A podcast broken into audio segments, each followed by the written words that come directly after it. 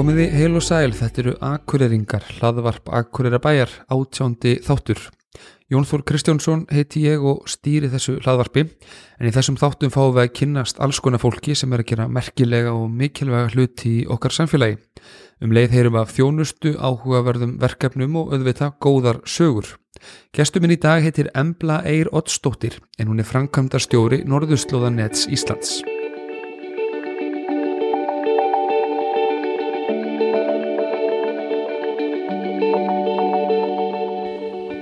Ertu velkomin í hlaðvarpið Embla? Takk fyrir Jón Þór um, og takk fyrir að bjóða mér. Hvað syngur ég er? Það syngur allt afskaplega vel í mér. Afskaplega gott, já. Á þessum fallega degi hérna Á þessum fallega sólrika degi. Já. Já, Heyrðu við ætlum að tala um alls konar í tengslu við norðurslóðamál. já, Þú stýrir eins og kom fram í kynningunni, stýrir þú norðurslóðaneti Íslands sem er nú engin, engin smá titill. Eh, hvað er það nákvæmlega sem að norðurslóðanetið gerir því að það er vantilega bara eina af þeim stofnunum sem eru hér í norðurslóðamálunum? já.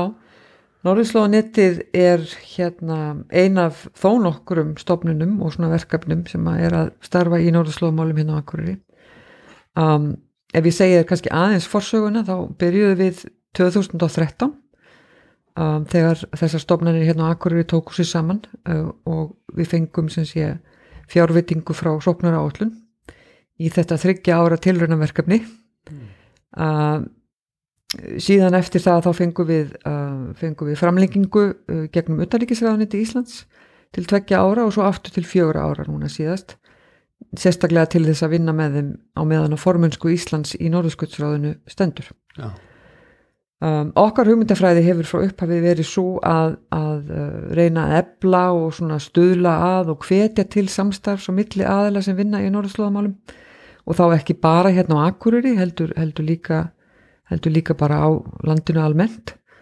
Og það eru sem sé 30, cirka 30 aðilar sem að e, koma að Norðurslóðanettinu og það eru þá allar þessar stofnarnir hérna á Akureyri. Mhm. og svo líka Háskóli Íslands og Háskólin í Reykjavík og Hvanneri og Vestfærðasetrið eða þessi Háskólisetu Vestfjörða uh, og svo líka Landtekkiskeslan og, og Háransagnarstofnun og, og Veðustofan og, og uh, Akureyra bær og Fjörðabíð og, og fleiri. Þannig að það er svona svolítið fjölbreyttur hópur aðila sem að, sem að hérna, koma að Norðurslónetinu Mm. Og eru þið þá að leiða þess aðalega saman svona? Já, við svona vinnum við svona, við svona vinnum með þeim að ýmsum verkefnum og svona tókum fólk saman til þess að tala um ákveðin málefni og svo framvegis. Uh, í gegnum tíðina höfum við gert töluvert að því að, að, að skipulegja viðbörði, bæði, bæði rástefnur hérna á Akureyri og, og svo líka málstofur á Arctic Circle og, og tökum þátt í, í, í að skipulegja ímsa viðbörði uh, sem að tengjast mismunandi málaflokkum á, á norðurslóðum. Við erum hérna við erum öll sem að vinnu þar erum, höfum svona þverfaglega mentuna baki þannig að, að við eigum svolítið erfitt með að fókusera. Uh, og finnst allt tengjast þannig að sko það er ekki svona kannski einn málaflokkur beinlinni sem að við höfum fókusera sérstaklega á þó að, þó að hérna til dæmis jafnbrettismálin hafi verið mjög ábyrrandi núna síðustu árin þá höfum við líka áhuga á, á sem sé að fersksvatnspælingum og umhverfispælingum og, og frumbyggja samfélögum og, og svo framvegis. Já. Uh, síðan höfum við náttúrulega unni töluvert með formensku Íslands í Norðskottsráðinu, bæði í skipulagningu viðburða og svo líka hef ég persónulega verið sem sé formaður í sérfræðingahópi vinnuhópsum sjálfbara þróun sem er undir Norðskottsráðinu Uh, og þessi sérfræðingahópur heitir á einsku Social Economic and Cultural Expert Group um, SECEC uh, og þar hef ég verið núna síðustu tvö árin uh, og verð þanga til núna í mæ þegar Rúsland tekur við formenskunni Mm. svo hefur við líka verið að, uh, að leiða verkefni um jafnbrytismál á Norðurslóðum og það er hérna bara mjög mikilvægt uh, verkefni sem að fellur undir þennan vinnuhópum sjálfbara þróun um, var upp, uppálega fóra staði með þannig kringum 2013 og það var nú auðarkisráðuniti sem að sem að hafi svona frumkvæði að því og, og kom því á koppin í samfunni við stofnum Viljám Stefánssona sem er hérna á Akureyri og Jafnbrytistofu sem er líka hérna á Akureyri við tókum þátt í verkefninu frá árinu 2013-14 og höfum verið mjög aktífur hluti af því síðan þá eh, en voru svo beðin um að taka, taka það að okkur að leiða verkefni í gegnum formiskuna og þetta er sem sé formisku verkefni Íslands núna, núna hérna á þessu tímabili hmm. Ég heyrði það strax að það er, það er bísna mikið þetta undir og, og hérna og margt í gangi. Já, mjög margt, uh, mjög margt. En það eru auðvitað þannig með hérna, eins og við rættum nú svona fyrir viðtalum og ég sagði við að, að svona útgangspunkturinn minn kannski pínuð þessi að hérna, það er svo mikið fjallað um norðurslóðamál uh, og Akureyri svolítið svona í sömu andrá. Já, já. Og, og það er meðalega sko Akureyri sé eða, eða ég ætla að vera miðstöð norðurslóða á, á Íslandi. Já. en svona mín tilfinning kannski svo að, að það séu mögulega einhverjir, jafnvel margir sem viti ekki alveg af hverju, veist, hvað er það nákvæmlega sem allt þetta fólk er að gera í þessum norðurslóðamálum? Uh, það er hérna, það verður mjög áhört að spjallum um þetta og einmitt heyra meira um þessi, þessi verkefni sem þú ert að, þú ert að nefna. Sko, hvena fer þú persónulega að fá áhuga á á norðurslóðamálum? Já, það er nú spyrir að það er nú orðið svolítið langt síðan. Eiginlega byrjaði ég var svona svolítið hérna seinþróska þegar koma því að menta mig ah. má segja, ég, hérna, ég vann í engagerunum í mörg ár. Áður en ég flutti hérna norður og fór í háskólinu á Akureyri og fá þá í, í hérna, í prógram sem að uh, heitir eða hétt samfélags- og hagþrónafræði og eh, eitt af því sem að var kent í samfélags- og hagþrónafræði var, var sem sé um norðurslóðir og uppálega hafði ég nú ekkert ætlað mér að fara í samfélags- og hagþrónafræði, ég ætlaði að fara í sálfræði. En tók sem sé svona ingangskúrsa inn í þetta, þetta nám og meðal annars um norðslóðafræði og, og fannst þetta bara afskaplega spennandi. Þannig ég ákvaða að halda mig bara á þessari braut. Uh, en síðan gerist það hérna síðan gerist það alltaf ekki verið 2004 frekar en 2005 mm.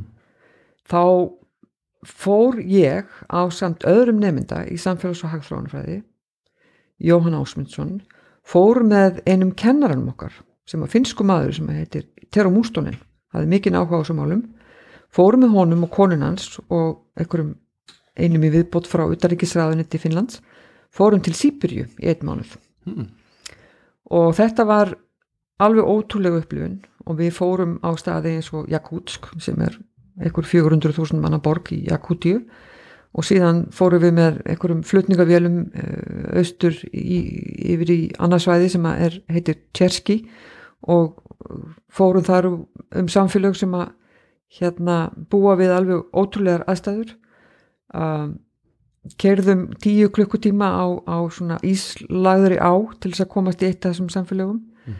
um, við heimsóttum líka reyndirahjörðingja og, og sváfum í tjöldum með þeim uh, og hérna fengum að, að vera á reyndirasleðum og, og fylgjast með þeim hóa í reyndirinn sín og, og uh, þetta var sennilega með sterkari upplifunum sem að ég hef orðið fyrir um aðvinna en það er eiginlega stór merkilegt að fólk skuli geta haldið lífinu á þessu svæði.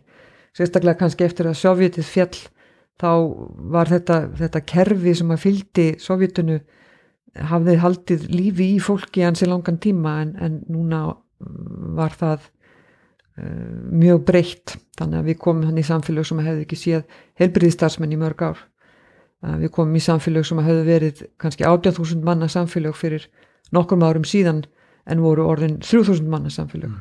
um, þannig að það er alveg stór merkilegt hvað, hvað fólk hefur, hefur geta haldið, haldið sínu á, mm. á þessu svæði eftir þetta fekk ég eiginlega þetta svæði bara svolítið á heilan ég að segja það.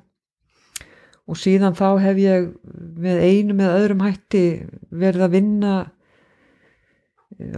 í málefnum sem tengjast svæðinu. Ég var um tíma hjá stofnu Viljám Stefanssonar ég vann líka hjá Northern Research Forum uh, á tímabili. Uh, og síðan þá ég framalda því þá fekk ég þetta starf hjá Norðurslóðanetti Íslands. Ah. þannig að þetta eru orðin hvað 15 ár eða svo sem að ég er búin að vera að vasast í þessu. Já. og er það með þetta eins og þetta lýsa þessu upplifun og varst þarna á ferðinni þetta úti sko, þessi áhersla á, á fólkið og, og sko samfélögin á Norðurslóðum sem að er það, er það dræfið svo ég, ég sletti Já, það er það hjá mér alveg klárlega sko. er, ég meina það er eh, sko, no, þetta svæði er margra málefna svæði uh, og er í rauninni svolítið flóki vegna þess að við erum að tala um átta ríki sem eru þessi norðsköldsríki og við erum að tala um frumbyggja samfélag og samt, uh, samtök frumbyggja sem að taka til dæmis átt í norðsköldsráðinu um, og við erum að tala um sko svona security uh, security issues og við erum að tala um uh, heilbriði og við erum að tala um þróun samfélaga og við erum að tala um velferð fólks í þessum samfélagum við erum að tala um umhverfismálum skilur við uh, þannig að þetta eru mjög margþætt málefni sem að hægt er að skoða á þessu svæði. Uh, ég hugsa að hjá mér sé þessi sko um, þessi tilfinning fyrir því að við þurfum að leggja tölverða áherslu á samfélagun á svæðinu, hún komi svolítið einmitt frá þessu, þessu ferðalagi til Sýburi og svo kannski heimsóknum líka bæði uh, bæði til Kanada og Grænlands og á norðlæðaslóðir í, í Noregi og Finnlandi og svo framvegis að því að í öllum tilfellum þá er fólk að, glíma við um, alls konar samfélagslegar áskoranir má segja uh, sem að marga hverjar uh, mörgum hverjum svipar svolítið til áskorana sem að íslensk samfélag í dreip, á dreifbílusvæðum er, er að eiga við. Um, ég held að sko það er mjög mikill áhuga á svæðinu svona glóbalt má segja og það náttúrulega tengist mjög oft að ábyrjandi mikið bæði þessum bæði loftslagsbreytingum og umhverfisbreytingum og svo mögulegum tækifærum á svæðinu sem, að, sem að hugsanlega um, verða til uh, þegar ísin hörvar um, auðvitað er skiljanlegur þessu áhugi en, en uh, það kemur fyrir að hann verður svolítið mikið ábyrjandi í samanburði við hugsanlega samfélagslega verðferð fólk sem að býr á svæðinu. Þannig að ég held að það sé svona svolítið það sem við hérna fyrir norðan höfum skapað ákveðna sérstuð í og það er að, það er að leggja þessa áherslu á sjálfbæri samfélg Já, einmitt. Ef að þetta svarar spurningunni. Jú, ég held að, ég held að, ég held að gera það. Ég held að sé, hérna, ég held að sé augljóst uh, þegar þú, þegar þú sagðir frá þessari ferðin til Sýberíu uh, hvaðan svona kannski áhugin hafi ef hann hafi ekki verið komin þá og þegar þá, þá hérna, hafa hann allavega aukist mikið Já. og það er, það er mjög hérna, eðlilegt en sko talandi um svona samfélögin sko, þú, þú vísar til þess að séu ákveðin samfélög hérna, sem í dreifbíli svæðum Íslands sem eru að kljósta svona svipaðar áskoranir sko, mm hvers konar áskoranir eru það þá?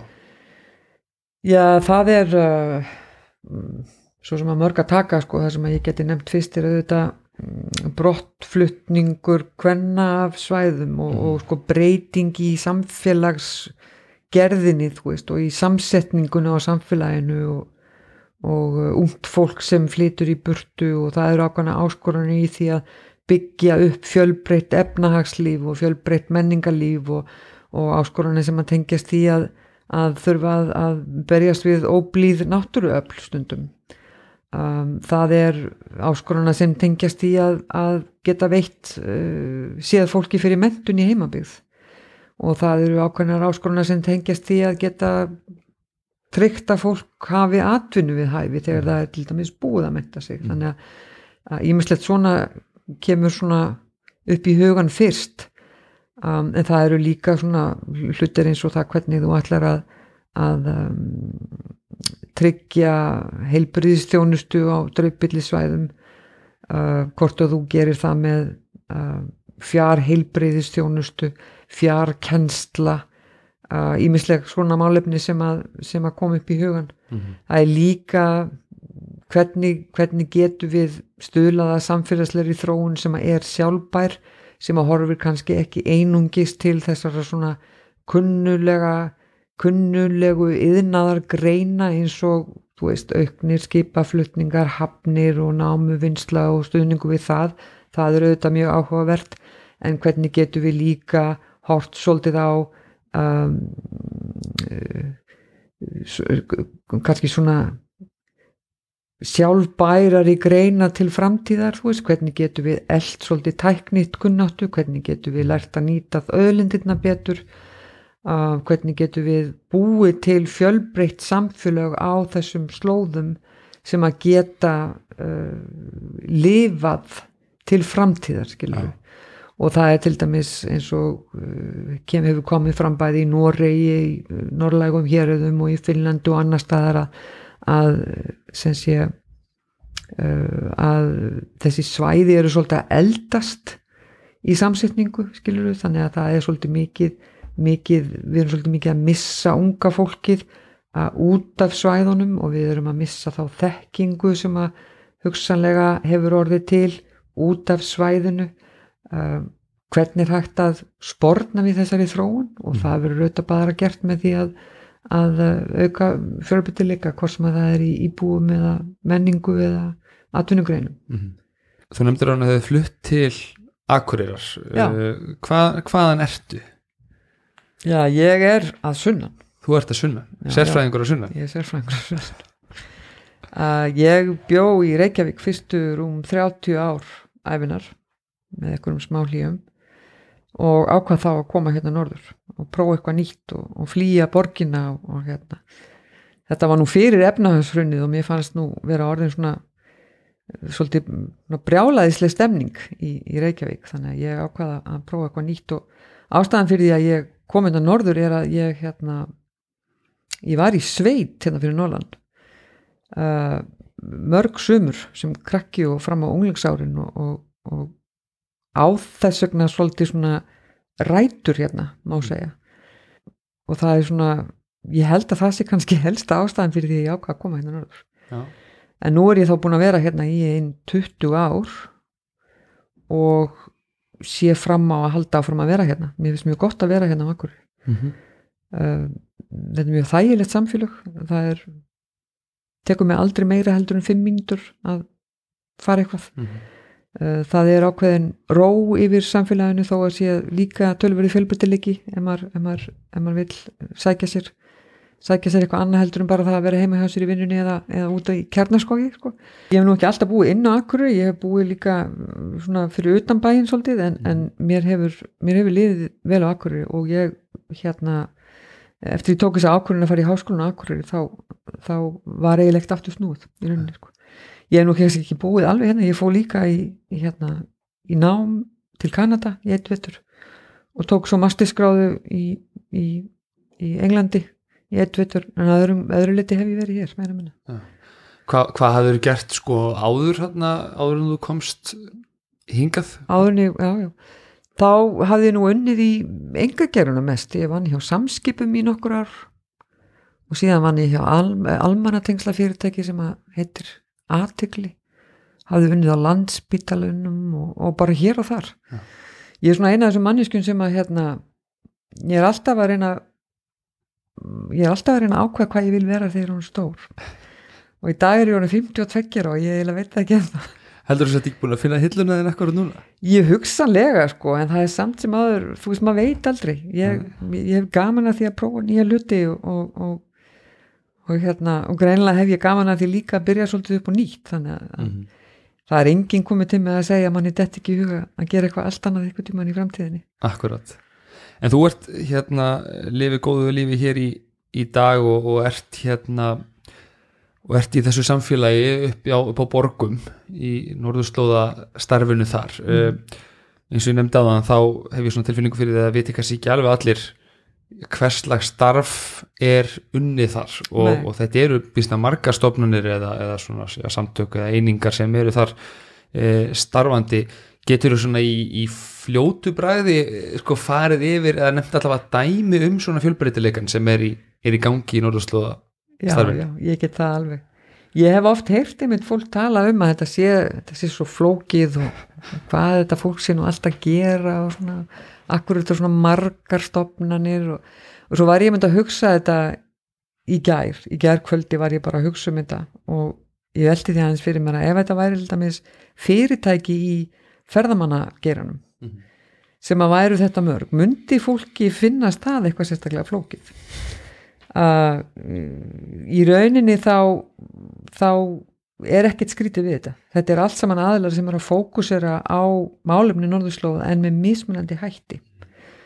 Um, og ég, ef ég bara svona segja þið frá nokkrum þeirra þá held ég ég byrju nú á stopni Vilhelm Stefanssonar uh, ég held að það hafi verið árið 1997 sem að komu sem að, sem að þessi stopni var sett á laginnar með lögum og þau eru búin að vera að vinna að norðurslóðamálum mjög ötulega síðan þá. Um, þeirra svona áhersla hefur verið meira á einmitt samfélögin og sjálfbara þróun og svona samskipti manns og náttúru má segja. Og þau hafa til dæmis uh, verið mjög leiðandi í í því að gefa út skýstlutnar sem að sko fjalla um mannvist á norðurslóðum en það á ennsku Arctic Human Development Report. Mm -hmm.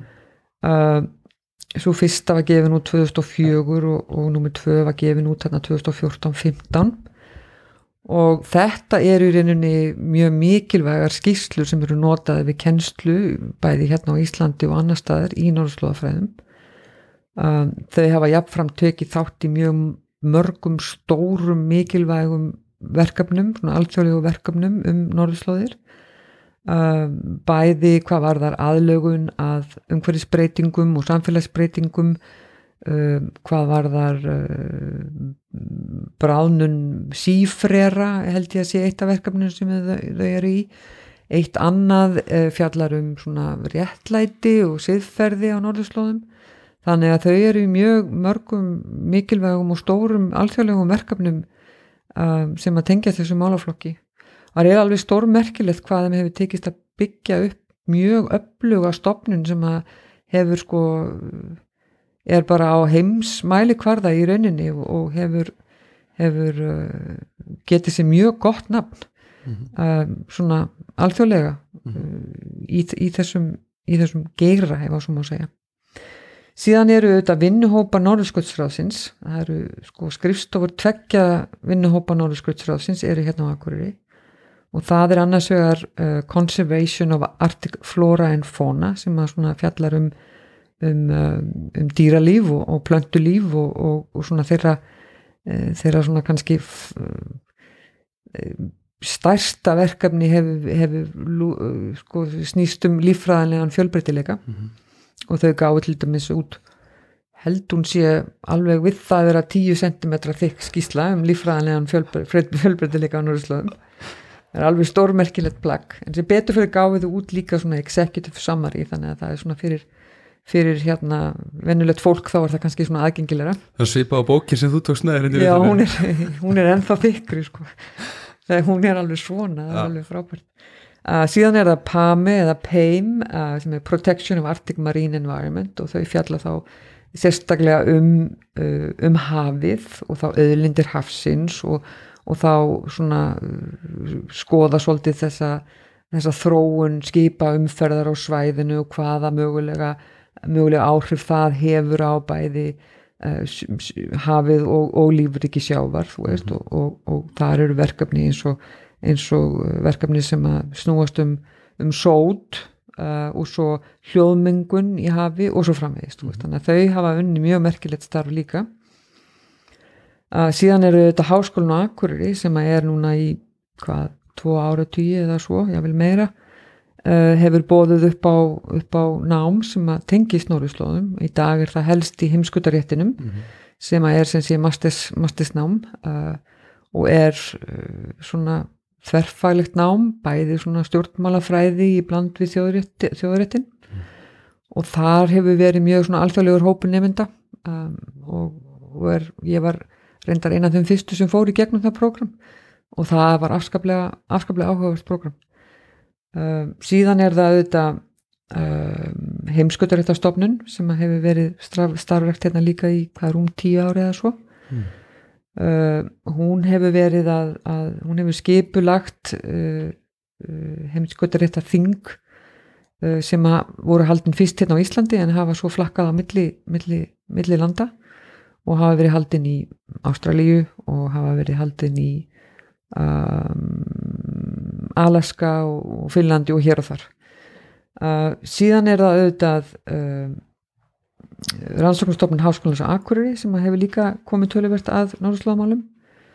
Uh, Arctic Portal er nú enga fyrirtæki hér í bæ sem hefur mjög lengi uh, starfað að norðurslóðamálum. Uh, og síðan uh, Arctic Services sem er sem sé, fyrirtækja klasi sem var stopnað hérna á svipuðum tíma norðurslóðanetti þegar kringum 2013 og var í rauninni hluti af atvinnuþróunafélagi eigafjörðar og er í rauninni þá vantarlega hluti af SSNI í dag. Þannig að þetta eru svona nokkrir aðilar, sveðan er náttúrulega rannsóknarmiðstöð ferðamála. Þau hafa líka tekið þátt í verkefnum sem að tengjast á ferðarþjónustunni og síðan er það jafnbrytistofa sem hefur tekið þátt í verkefnum sem tengjast jafnbrytismálum Já. þannig að allir þessi aðilar hafa sínu verkefni að sinna og þau eru ekkert endilega uh, þau eru ekkert þau sömu. Einmitt. En eins og jafnréttistofa, þú, þú, þú, þú myndir flokka hana með þessum þessum stofnunum sem vinna að, að norðurslóðamálunum ég sko, hún vinnur auðvitað að breyðari Já, já, en svona meðal annars. málaflokki sko, en hún kemur líka að til dæmis þessu verkefni um, um gender equality in the Arctic. Akkurat. Og hefur verið mjög virkur, virkur aðili í því verkefni þannig að augljóslega Einmitt. tengjast þau þá norðurslóðum. En þetta eru þá, hérna, þú búin að telja bara þú nokkuð margar, hérna, já, stofnanir uh, og svona bara, þetta er í rauninni fyrst og fremst, þetta eru rannsóknir, svona fyrst og fremst eh, stefnumótun, uh, svona sérfræði vinna í rauninni. Þetta er mjög mikið, þetta er töluvert mikið rannsóknir eða eftirlit. Eins og til dæmis vinnuhóparnir, kaff og pami það er svona mm, þau, þau, þau sinna bæði rannsóknum og eftirliti og vinna þá með stórum alþjóðlegum hópum vísindamanna í að taka, við að taka saman upplýsingar um stöðu líffræðilegs fjölbreytileika á svæðinu mm. um, stofnum Vilhelm Stefánssonar það er töluvert um rannsóknarvinnu þar uh, og svo eins og þú segir svo kannski hugsanlega að svona málefni sem tengjast stefnumótun á, á svæðinu. Mm Og vinna þessir aðilar, hérna, eða þessir aðilar, maður fyrir að tala um aðila, þetta er náttúrulega, hérna, þetta er fólk, Þetta fyrst og fólk, fremst. það. Uh, vinnur þetta fólk uh, mikið saman eða er, er svona þvert á stofnuninnar Já, það, það er það stundum sko. það er ágætti samstarf uh, á milli allra þessa aðila hún Sofja, hérna, fangatastjóri Pami orðaði þetta mjög vel við vinnum saman þegar það meikar sens að vinna saman og það er einmitt, það er einmitt bara svolítið góð lýsing á því vegna þess að sko við vinnum saman þegar, þegar þess þessir þörf skiluru en við sko sem sitjum ekkert í kjöldun á hvora eru alla daga því að við höfum mjög mörgum verkefnum að sinna.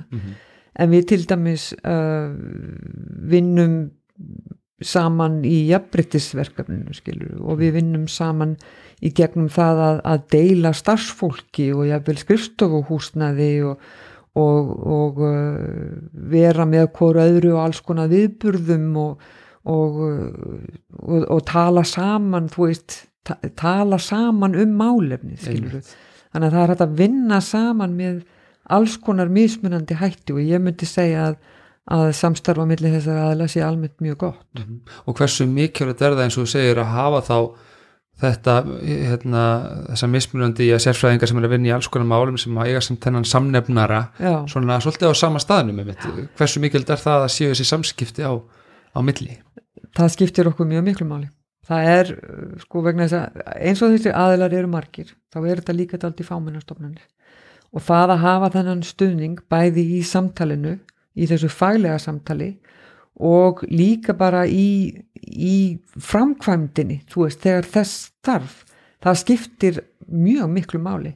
Og vegna þess að þessir aðilar eru þetta margir og þetta ólíkir líka þá verður til svona svolítið þver, þverfagleg sam, þverfaglegt samtal skilur þannig að sko að við komum svolítið þannig í veg fyrir að við festumst inn í einhverju boksi, þú veist, með okkar eigin hugsanir. Mhm. Uh, en í staðin erum, erum uh, betur í stakk búin til þess að nálgast málefnin frá svona heilstæðari með svona heilstæðari nálgun. Hefur hugmyndu um það hvað eru margir sem vinna hérna á svæðinu í þessum málum? Í- það myndi ekki koma minn eitt á óvart þó að maður segði svona eitthvað stóra milli 50 og 70, 80 aðilar sem að Já. ekki kannski allir, ekki allir í fullum ekki nei. allir í fullum störfum endilega en, en uh, sem hluta af þeirra störfum eða í hluta af störfum hjá þessum stofnunum sem að eru að fjallum þessum ár og þetta er væntalega fólk með sko mjög fjölbreyttan bakgrunn og jafnvel mjög sko verðmæta reynslu og mentun og þekkingu í, í farteskinu mjög ef við tökum bara norðurslóniti við erum hérna fyrir utan mig þá er þá er uh, í tölskona Fedrika Skarpa sem að vinnur hjá bæði okkur og, og jó alþjóðlegu norðurskautsvísinda nefndinni sem ég glemt að minnast á áðan og Já. það má nú ekki vegna þess að ég þarf að segja frá því uh, uh, síðan er uh, síðan er uh, ungum maður frá Úgrænu sem að, sem að uh, vinnur hjá okkur uh, það er ungum maður frá Spáni uh, svo er það Íslendingur um, tveir ef ekki þrýr og við uh, við erum svona kannski bara ágætt dæmi um það hvernig hversu alþjóðlegur og fjölbreyttur þessi hópur er. Að þetta er mjög alþjóðlegt umhverfi svona þannig. Það er það já. Og, og, og unni þá mest með vinnumálið enska eða hvernig er það? Já, ég myndi segja það að það væri svona það væri svona kannski það tungumál sem við tölum tölum svona mest allavega þessa dagana Einmitt, maður myndi nú halda sko eins og að lýsa þessu að, hérna, að það er nú bara þannig að það er ekkert kannski ekkert endilega rosalega margt svona í bóði þá er ég að meina sko störf fyrir mjög sérhæft fólk, fólk Nei. sem búið að menta sig mikið fólk sem búið að ljúka jafnvel doktorskráðum og hérna eða, eða mjög svona sérhæðu mestaranámi og, og hérna og vill vinna í svona rannsóknarmiðuð alþjóðlu umhverfi.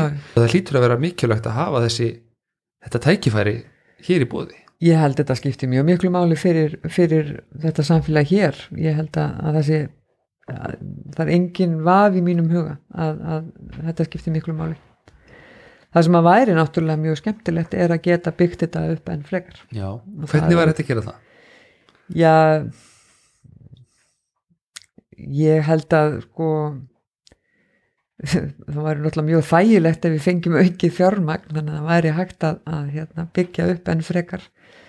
Það sem að maður myndi getna vilja sjá líka er að þetta unga fólk sem er að menta sig í norðurslóðafræðum að hérna á Akureyri eða annar staðar að það hefði einmitt þessa möguleika að sinna sínum áhugamálum og, og, og starfi sem að tengist því sem að það hefur lært og það væri þá í rauninni svigrum til þess að að, að þjætta svolítið uh, starfsemina og, og, og útvíkana og stakkana og, og styrkjana alla. En auðvitað er alltaf nýfurinn stendur eitthvað staðar í kunni og það er oftar en ekki hefur það með fjármagn að gera.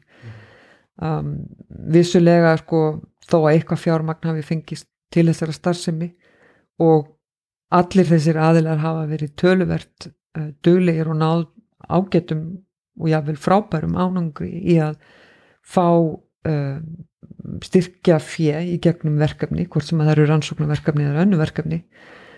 Um, þá enga síður getur það verið svona svolítið hark, skilur Já. og vegna þess að þetta eru litlar og jáfnvel fámenna stofnanir þá er ekki nema takmarkaður fjöldi klukkustunda í, í deginum það væri mjög gott ef að væri hægt að skapa ennþá fleiri störf til þess að styrkja við þessa áframhaldandi uppbyggingu Mm -hmm. Þannig ég myndi segja sko ef að það væri hægt að fá meira fjármagn og fleiri klukkustundir í daginn þá væri það mjög góð byrjun. Já, við ekki bara byrja þar en er það þannig að það fari mikil tími sko starfsfólks í það einmitt að afla, afla styrkja og fjármjöna til þess að ekki vera að geta gert það sem þau eiga að vera að gera Það, er, það getur orðið svolítið þannig sko. Og það er svona ákveðin óvissa skilur fyrir alla aðeila sem að eru í um, sem að vinna í stopnunum sem að eru hugsanlega ekki með tryggt fjármagn til lengri tíma skilur það er Mhm. ákveðin óvissa sem fylgir í mm -hmm. þannig að, að starfsfólk veit kannski ekki nema þú veist, jú ég hef vinnu í eitt árin hvað gerist svo, Mhm. skilur það er náttúrulega aldrei gott umhverfi að vera í Mhm. en, en uh, það fer ónettanlega daldi mikil tími í að, að reyna að tryggja það að sé til til fjármang til þess að vinna verkin og, og borga launin Já, en segjum að maður væri nú hérna, ég og þú værum í þessum spórum að útluta hérna fjármagni Já. og myndum með samþykja þetta að það væri hérna sko geti verið skynsanlegt að setja meira fjármagnina til þess að stekka þetta. Og sko, þá myndum maður að spyrja móti sko hvað, en hvað græðum við á því? Skilur við hvað hérna eh, hver eru tækifærin og hver eru helstu kostinni við að ymmit að setja mikið búður í að, að byggja þetta upp? Það fyrir eftir því hvernig maður skilgreinir að græða. Mm -hmm. og sko skilgreining mín af því að græða er hugsanlega einhvern veginn öðruvísi heldur en hjá einhverjum stjórnmálamanni út í bæ eða, eða hugsanlega fyrirtækja eiganda. Mér finnst við græða á því að einmitt að, að um, búa til fleiri, fleiri störf sem eru áhugaverð. Mér finnst við græða á því að, að uh, styrkja enn frekar og diffka enn frekar þekkinguna á þessu svæði. Mér finnst við græða á því að að halda í fólk í áhugaverðum uh, störfum þannig að það flytti ekki burt á svæðinu mér finnst við græða á því að, að vera með fleiri áhugaverð störf og, og bæði innlenda og ellenda aðela sem að sinna þessum störfum í ykkur pulju sem að þara uh, þar af leiðandi býr til ennþá meiri fjölbreytileika í mannlífi í bænum skiluru og með því að auka fjölbreytileika mannlífs í bænum þá kannski búið til enn frekari tækifæri skilur við sem að eru jável í einhverjum störfum öðrum heldur en tengjast bara norðurslóðfæði um, síðan núna núna til dæmis erum við að vinna pínu sérverkefni að því að við fengum núna nýlega frá hérna sóknar áallunar pakkanum uh, áhersluverkefna styrk meðal annars til þess að skoða svolítið, kortleggja svolítið betur hvað er búið að vera að gera hérna á svæðinu og hvað hugsanlega höfum við ekki skoða náum vel uh, og ég sé alveg fram á að úr þeirri vinnu komi hugsanlega um, komi hugsanlega upp úr dúrnum uh, möguleikar og tækifærin sem að við höfum ekki endilega hugsað allt og mikið um áður mm.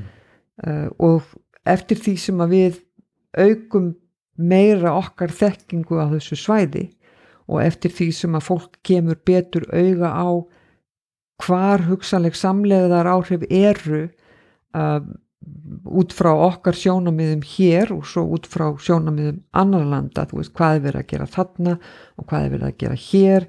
Getur við lært af þeim, getur þau lært af okkur? Allt þetta held ég að sé eitthvað sem við græðum á. Mhm.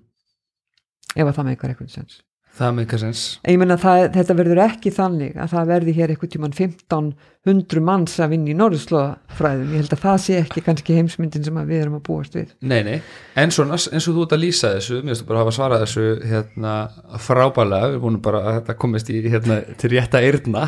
Að, hérna, að þetta smám saman sko með aukinni þekkingu þetta styrkir sko í einu, einni setningu, þetta styrkir samfélagið, já, það gerir það. er bara svoleiðis. Já, já. Og, og heldur að sé sko, hvernig hefur þetta verið að þróast heldur að það sé raunhæfta hérna, eins, og, eins og segir með þessu verkefni sem að fer svona í að kortleikja stöðuna og, og framtíða tækifæri heldur að það sé raunhæft eða horfir á þetta og horfir tíu ár fram í tíman að það verði hérna, búið að byggja þetta meira upp þessa klasa hér Ég held að sé raunhaft, já. Ég, hérna, ég er nú, ég er nú, ég er ekki poljana, ég ætla alls ekki að segja það. Ég, hérna, ég hef mikla trú á því að, að, að maður eigi að vera bjart síðan en, en samt með fæturnar á jörðinni. Ég held að með góðu áframhaldandi samstarfi þá getum við haldið áfram að byggja þetta upp. Mm. Um, í mínum huga kemur eiginlega ekkert annað til greina. Nei. Það er búið að leggja nú þegar alveg óskaplega mikla vinnu og orku og fjármagn í, í þetta, þessa uppbyggingu um, síðustu 20 árun eða svo og mér finnist það afar sorglegt ef að, ef að fólk ætla að fara að gefast upp núna, ég held að það sé bara ekkert inn í myndinni sko. Það hefur mikið verið talað um sko hérna, þetta er allt snýst svolítið um eitthvað svona hugtök og svona, það hefur verið svolítið mikið talað um Akureyri sem miðstöð málefna norðurslóða á Íslandi, ef mann rétt var nú lögð fram bara þingsáleiktunar tillaga mann ekki hvort þú maður samþykti eða hvernig, hvernig staðan er á því en, en já, hversu mikilvægir eru slíkir svona stimplar í, í þínum huga svona viðurkenningar. Ég, ég bara hef alltaf vit til þess að meta það sko, að að, en kannski er ég ekki alveg hlutlaus heldur vegna þess að ég lít svo á og ég held að fleiri gerir það hérna á Akureyri að í krafti þeirra þekkingar og þessa klasa sem við höfum hér eru við norðurslóðumistöð Mhm. og uh, ég get vel skilið að, að fólki finnist betra ef það væri svona einhvers konar formlegri viðurkenning á því við þurfum kannski aðeins að velta því fyrir okkur hvað okkur finnst að þannig viðurkenning hvernig lítur það út skilur, það er bara eitthvað sem maður kannski þarf að ræða. En það er auðvitað búið að segja það bæði í ræðu og, og riti aftur og aftur að á Akureyri síðan Norðurslóðumistöð Íslands. Mhm. og við bara við bara höldum áfram að trúa því. Er einhverjar augljósar ástæði fyrir því? Náttúrulega nú er þetta einhverjar ástæði fyrir því að þetta byggðist upp hér og hefur háskólinn og Akureyri haft það mikil áhrif og ég bara þekki bara ekki söguna nógu vel sko.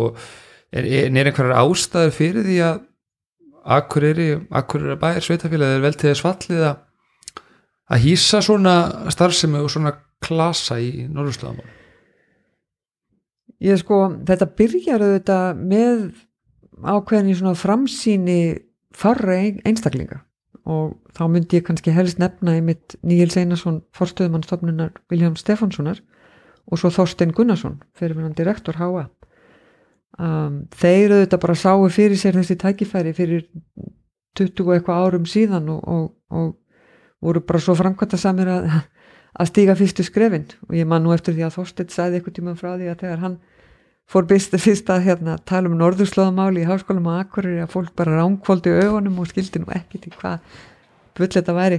En það hefur nú heldur betur breyst í dag sko. Já. og ég held að ástæðan fyrir því að það er um, bara vi- virðist vera eðlilegt einhvern veginn að norðurslóð að mál séu hér er vegna þess að hér hefur þessi starfsemi verið svo lengi. Já, þetta er komið þangað. Þetta er bara, þetta er bara komið þangað við fögnum því. Við gerum það. En svo náttúrulega gleymum við ekki heldur að við erum innan sveitafélagsins eru þetta Grímsey sem Já, já. er hérna það sko nýrsta byggða eiga á Íslandi Já, og, og hérna og þetta norður heimskvöldsbögurinn hérna yfir og, og hérna allt það. Þú, sko, það er það hlýtur líka að vera þó það væri ekki nema í sko í almennri umræðu sko þá, þá, þá er það einhverju Já, já. Það er líka það er svona ákveðin hefð fyrir því í þessum norðurslóða ríkjum að, að, að svona þessar norðurslóða miðstöðar séu í norðlægari hér þannig sérðu til dæmi sko framsendret í, í Tromsö og mm Arctic Center í Rovaniemi og, og uh, ég held að sé svipað í Alaska og, og, og Kanada og það er svona svolítið þessi svona, svona dreifbílu norrlægu héruð -hmm. eru svona svolítið þunga miðjan til dæmis í starfsemi norðursköldsrásins já, ef þú tekur það bara sem dæmi. Já, en mm, þú veist, vita skuld þó að það séu norðurslóða miðstæðar í norðlægum hérðum þá kemur það ekki veg fyrir að að ýmsir aðilar vilji vinna að norðurslóðamálum eins og til dæmis á Íslandi og ég held að það sé bara besta mál og, og mjög eðlilegt. Mhm. Er eitthvað sem svona sveitafélagið getur gert eða, eða ætti að gera eða hefur gert til þess að styðja en þá frekar við þetta? Já, starf? Sko Akureyrabær til dæmis hefur verið mjög virkur í norðurslóðamálum í gegnum tíðina. Og Akureyrabær til dæmis hefur tekin virkan þátt í, í hérna samtökum sem heita Northern Forum og eru ná alveg yfir svæðið og, og jáfnvel lengra til mm. uh, síðan náttúrulega uh, var verið að nýlega stopna hérna Arctic Mayors Forum sem að ég held að, að Akureyrabær sé nú búin að hafa svona hitan og þungan af þeirri vinnu uh, Akureyrabær hefur líka bæði í orðum og verki stutt við þessa aðila þarna upp á borgum Mm. og það hefur verið mjög gott samtal á milli þessara aðila og Akureyrabæjar og, og samvinna í tengslum við ungmennaskipti og, og, og samtal við sérfræðinga sem hafa komin hingað og svo framvegis Mhm. um, ég held að ef við höldum áfram þessu samtali bara og, og uh, Akureyra bær til dæmis núna er hluti af þessu, þessu verkefni sem við erum að fara í núna þar sem við ætlum að kortlina leggja þessa möguleika á svæðinu uh, ég held að meira, meira af því sama sé bara, sé bara mjög ákjössanlegt Já, einmitt. Mér nokkar aðeins að tala við um hérna svona eitthvað verkefni þessa dagana, getur við Já, sagt. já. Náttúrulega Ísland er með, fer með formensku í Norðurskauts ráðinu uh, hversu mikil áhrif hefur það á svona ykkar störf og, og, og hvað er það sem þið eruð að fást við svona helst eins og í Norðurslóðanetinu? Já. Já hefur nú haft mikil áhrif á okkar störf sérstaklega núna síðasta árið. Uh, við höfum svona eins og ég held ég hafi sagt áðan ég sem sé er formaður í þessum sérfræðingahóp. Uh, og síðan höfum við svona tekið þátt í geipulagningu og, og, og svona á, á, ákveðnum viðburðum. Uh, en það sem að hefur kannski verið pláss frekast uh, í tengslu við forminskuna það er verkefnið, jafnbreytisverkefnið Uh, við erum búin að vera að vinna með alþjóðlegum hópi uh, fólks uh, í þessu verkefni núna í eitt ár eða svo. Við það að, þróa og, og skrifa og, og, og gefa út skýslu sem að verði gefin út núna í april-mæ og verður sem sé formensku verkefni. Þetta er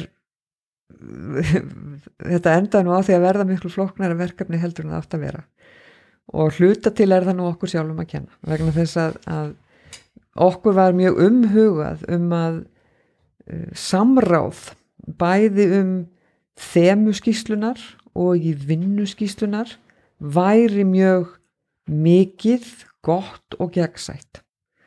Þannig að við uh, settum upp uh, rítstjórn sem að væri held ég 15 aðilar eða eitthvað alþjóðleg við settum upp ungmennar aðgefandi stjórn. Uh, við vorum með uh, partnerana okkar inn í verkefninu og síðan vorum við með frekar góða þáttöku frumbyggjarsamtakana sem er í Norðskjöldsráðinu og svo reyndar annara frumbyggjarsamfélag út í Kanada.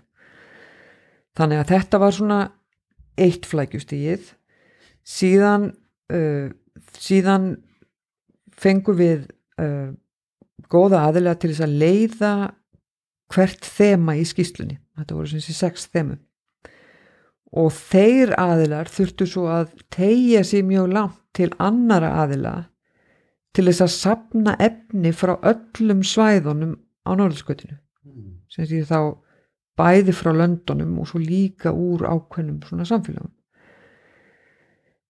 Það þýðir að það eru búin að vera á milli 100 og 150 manns með aðkomi að þessari litlu skýslu sem við höfum ekki nema til, rúmt ár að þróa. Mm. Ef að ekki hefði verið fyrir faraldurinn þá væru við venju samkvæmt í töluverðum ferðalögum.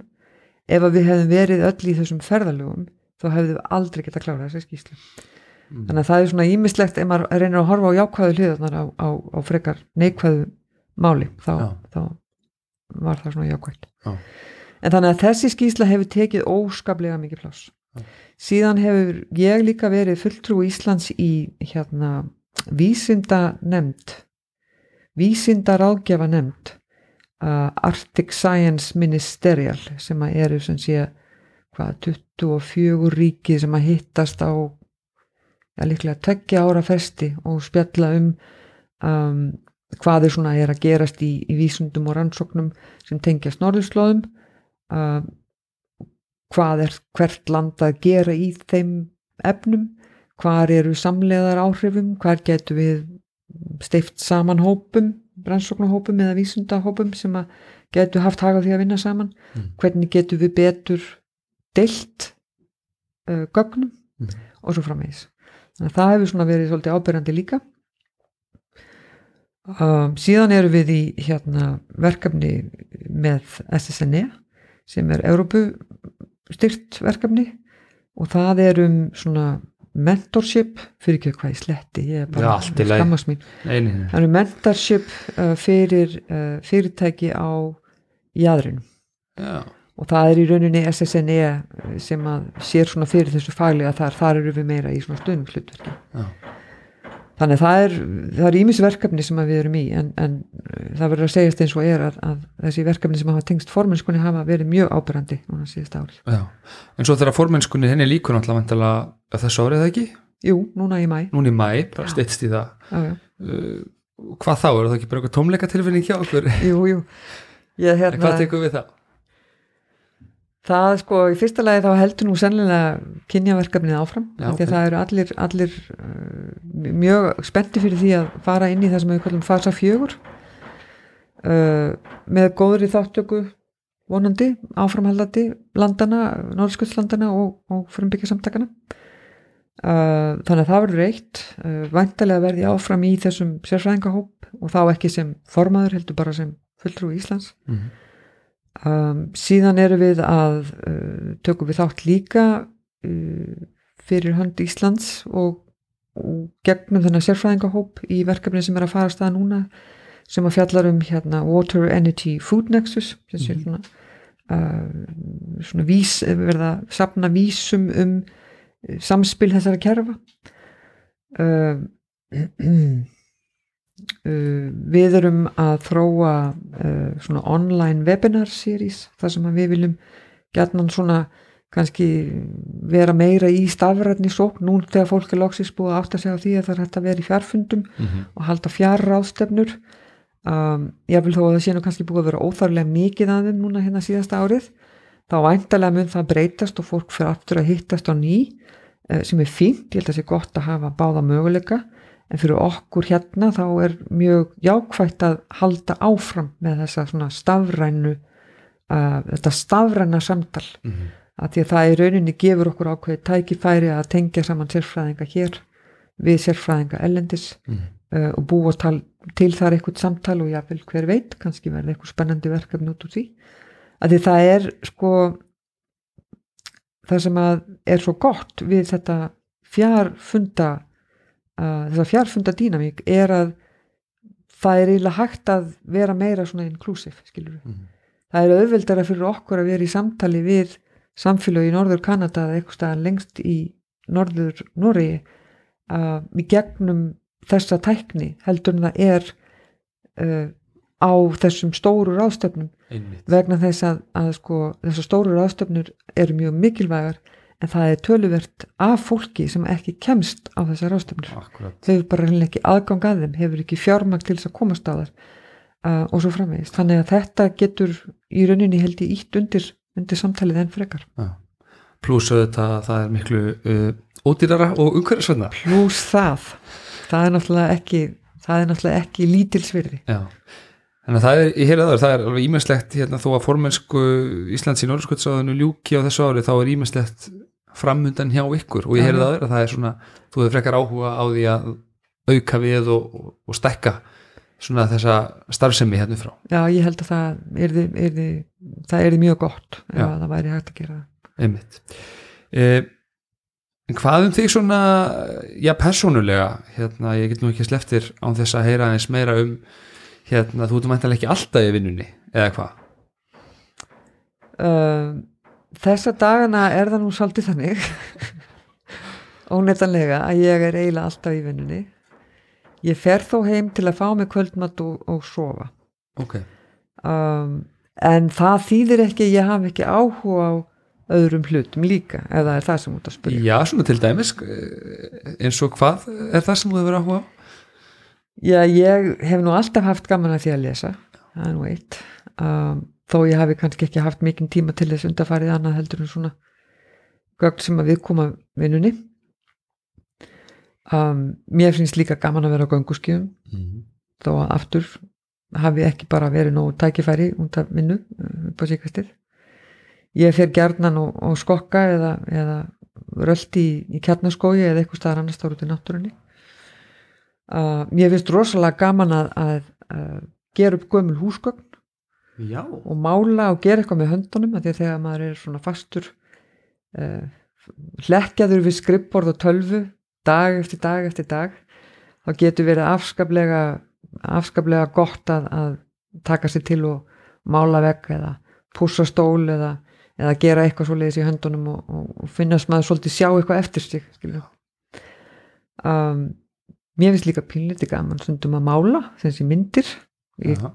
Kann ekki neitt í því en, en mér finnst bara gaman að leika mér að litum þannig að það kemur fyrir að, að ég uh, bý mér til smá tíma til þess að gera það. Síðan finnst mér auðvitað óskaplega gaman að ferðast og það er auðvitað ekki eitthvað sem að maður gerir mikið núna.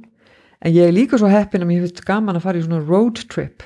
Já, þannig að sko þegar tækifæri gefst þá er ekkert sem ég veit betra og skemmtilegra heldur en að stökka upp í bíl og, og keira bara um, um, um vegi hérna heima á Já. Íslandi og le- lendi ykkur um smá æfinturum þar einmitt það er sannilega eitt, eitt mitt mesta uppáhald að Já. fara í svo leiðisferðir einmitt Þú nefndir hann hérna stuttlega aðan sko þegar þú fluttir eh, til Akureyrar og, og hérna þú svona haft einhverja töghingað og, og, og liðið vel og svona er ég spyr átt fólk sem kemur hingað til mín sko hverjir eru svona helstu kostirnir að þeirra mati að búa á Akureyri?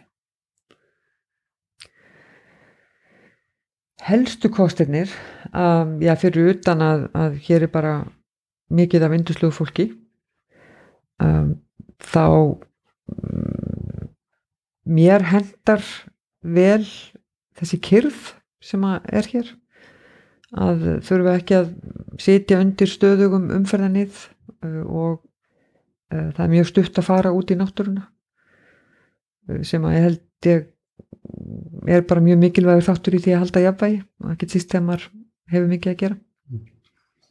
Svo finnst mér afskaplega þægilegt að þurfa ekki sitja í bíl klukkutímum saman ef ég þarf að sinna einhverjum erindum. Um, og svo er auðvitað bara guðdómlega fallegt og þannig ég nefni svona þessi þessi þrjú fjögur atriði sem að koma fyrst upp í hugan Já, einmitt. Og sérðu fyrir þér að, hérna, þú sagði nú áðan að þú værir ekki hérna, það búin að áttaði á því hvað þú ætlar að verða þú verður stór eins og algengt er nú að heyra frá fólki en, en hvar sérðu þig fyrir þér svona, hvað ég var að segja fimm ár, tíu ár heldur þú verður hérna áfram?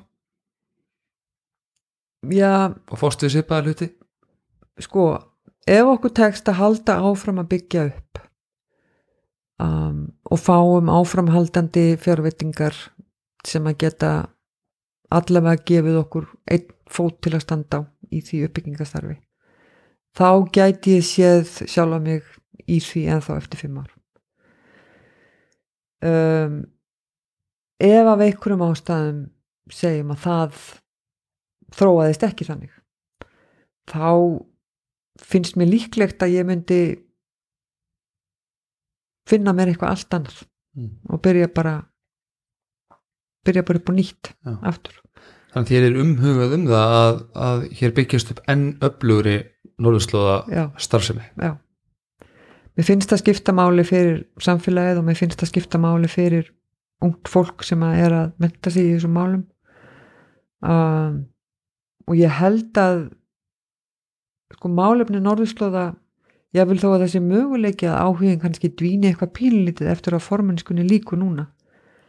Þá er held ég áhugi á málefni norðurslóða ekkit að dvína. Og ég held að mikilvægi svæðisins uh, fyrir alveg öruglega ekki mingandi.